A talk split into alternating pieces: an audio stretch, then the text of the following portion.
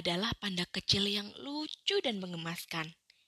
Ia senang sekali memasak untuk teman-temannya dan pandai membuat lelucon yang lucu sekali. Tapi akhir-akhir ini ia merasa kurang bahagia. Kenapa ya?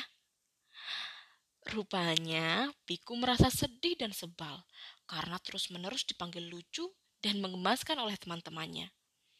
Ia merasa tidak dihormati. Ah, seandainya tubuhku sebesar Oli si jerapah atau Sofia si gajah, pasti mereka akan segan padaku, ujar Piku suatu hari. Oli si jerapah adalah jerapah yang menawan yang tinggal di sebuah bukit tak jauh dari rumah Piku. Ia dikenal sebagai hewan yang bijaksana dan baik hati. Banyak sekali hewan di hutan yang meminta nasihat ketika mereka punya masalah. Namun siapa yang tahu, akhir-akhir ini Oli juga merasa sedih dan jenuh. Waduh, kenapa lagi ya? Ternyata Oli merasa sedih karena ia tidak punya rumah. Oli tinggal di antara pepohonan yang tidak terlalu banyak di atas bukit yang sangat sejuk. Meski sejuk, tetap saja Oli ingin sekali tinggal di sebuah rumah di mana teman-temannya bisa datang dan duduk bersamanya sambil minum teh. Suatu hari, seperti biasa, Piku mengundang seluruh teman-temannya, termasuk Oli, untuk datang minum teh di rumahnya. Semua datang dan tertawa mendengarkan lelucon Piku yang selalu lucu. Wah, teman-temanku sedang gembira ya, girang Piku. Hingga kemudian Oli pun datang. Suasana semakin menyenangkan dan mereka meminum teh bersama-sama. Namun kali ini Minyo si Kukang berkeluh kesah pada Oli soal dirinya yang terlalu lambat untuk bangun pagi. Dan Bubu meminta saran kepada Oli agar tidak mudah lapar. Seketika semua orang pun tidak lagi mengajak Piku bercanda. Mereka sibuk mendengarkan Oli yang berpendapat dengan bijak. Piku pun merasa sedih dan sedikit kesal. Hmm, hmm, tidak ada lagi yang mau mendengarkan leluconku, kata Piku dalam hati. Hingga akhirnya acara minum teh pun berakhir. Semua pulang kecuali Oli. Ia membantu Piku membereskan cangkir-cangkir cantik di atas meja. Piku, kenapa kamu tadi murung? Tanya Oli. Piko pun tertunduk lesu. Ehm, jangan salah sangka ya, Oli. Bukannya aku tidak suka denganmu. Tapi... Tapi... Tapi aku ingin menjadi seperti dirimu. Teman-teman sangat percaya menceritakan masalah mereka padamu dan bahkan meminta nasihat.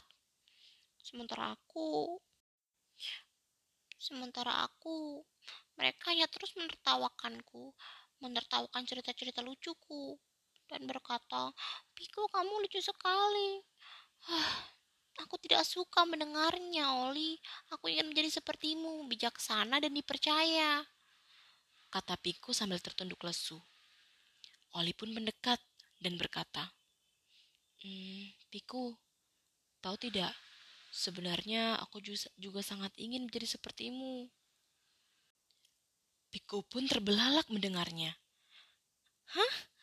Apa aku tidak salah dengar? Mengapa kamu justru ingin menjadi sepertiku? Semua orang bisa tertawa bersamamu. Dan kamu selalu lucu dan menyenangkan. Kamu juga punya rumah dan halaman yang bagus untuk pesta minum teh, kata Oli. Kemudian keduanya tertunduk lesu dan saling diam. Hingga tiba-tiba, Piku, aku punya ide yang bagus, pekik Oli. Piku dengan sungguh-sungguh menatap Oli, menunggu ide bagus apa yang akan Oli tawarkan. Bagaimana kalau kita bertukar tempat? Hah? Iya, jadi Oli menjadi Piku dan Piku menjadi Oli. Maksudku, kamu menjadi aku dan aku menjadi kamu. Bagaimana? Wah, ide yang bagus, Oli. Jadi kamu bisa mulai menjadi aku dan tinggal di rumahku. Begitu kan? Wah, senang sekali. Akhirnya aku bisa menjadi Oli, kata Piku dengan girang. Setelah mereka mengumumkan ke seluruh teman-temannya bahwa mereka akan bertukar posisi, Piku pun mulai tinggal di rumah Oli di atas bukit dan Oli tinggal di rumah Piku.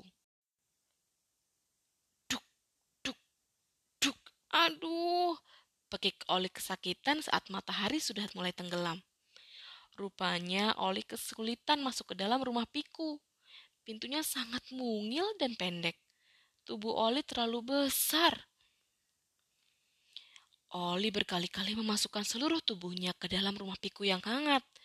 Namun, ia terus-menerus gagal, padahal Oli sudah sangat mengantuk. Akhirnya, Oli pun tertidur di antara pintu dengan kepala yang berada di dalam rumah dan tubuh yang berada di luar rumah.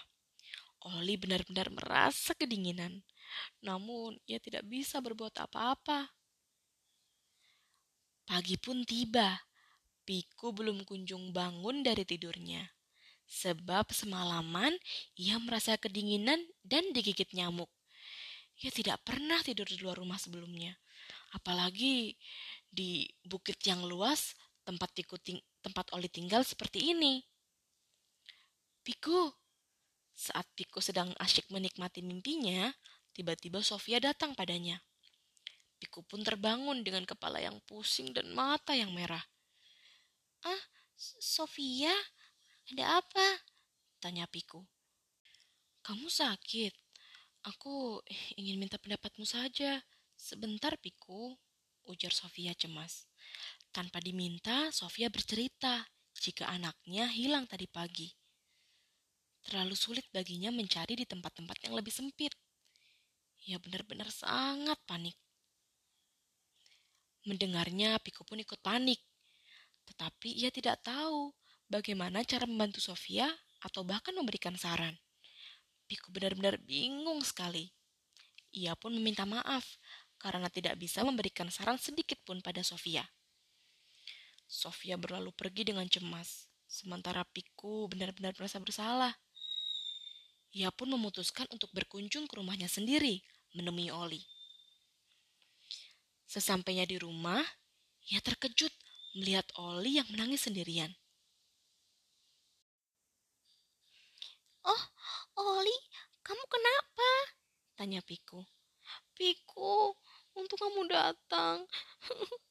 Aku ingin kembali ke bukitku saja. Holly, kamu kenapa? Aku tidak pernah melihatmu sedih ini. Tanya tanya Piku lagi. Semalam aku tidak bisa tidur di dalam rumahmu karena badanku besar. Jadi badanku kedinginan dan aku merasa demam saat bangun tidur. Tapi karena aku sudah berjanji membuat acara minum teh, kuundang semua teman untuk datang. Namun tidak ada yang tertawa dengan lucuanku. Dan aku juga membersihkan semua ini dan merasa lelah. Dan kau tahu tidak, tehku tidak seenak punyamu. Piku pun meluk Oli. Oh, Oli, malangnya kamu. Sepertinya aku tahu apa yang harus kita lakukan, kata Piku. Apa itu Piku? Sepertinya hidup yang kita jalani masing-masing sebenarnya baik-baik saja, Oli. Aku benar-benar kedinginan harus tidur di bukit sepertimu. Dan aku tidak tahu apa-apa saat Sofia meminta tolong. Ujar Piku sambil tertunduk lesu. Hmm, aku rasa juga begitu. Maafkan aku ya Piku, telah mengajakmu bertukar hidup denganku.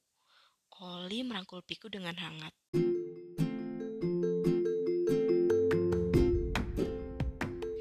Sampai jumpa di episode-episode selanjutnya dan jangan lupa terus sebarkan dongeng-dongeng kebaikan.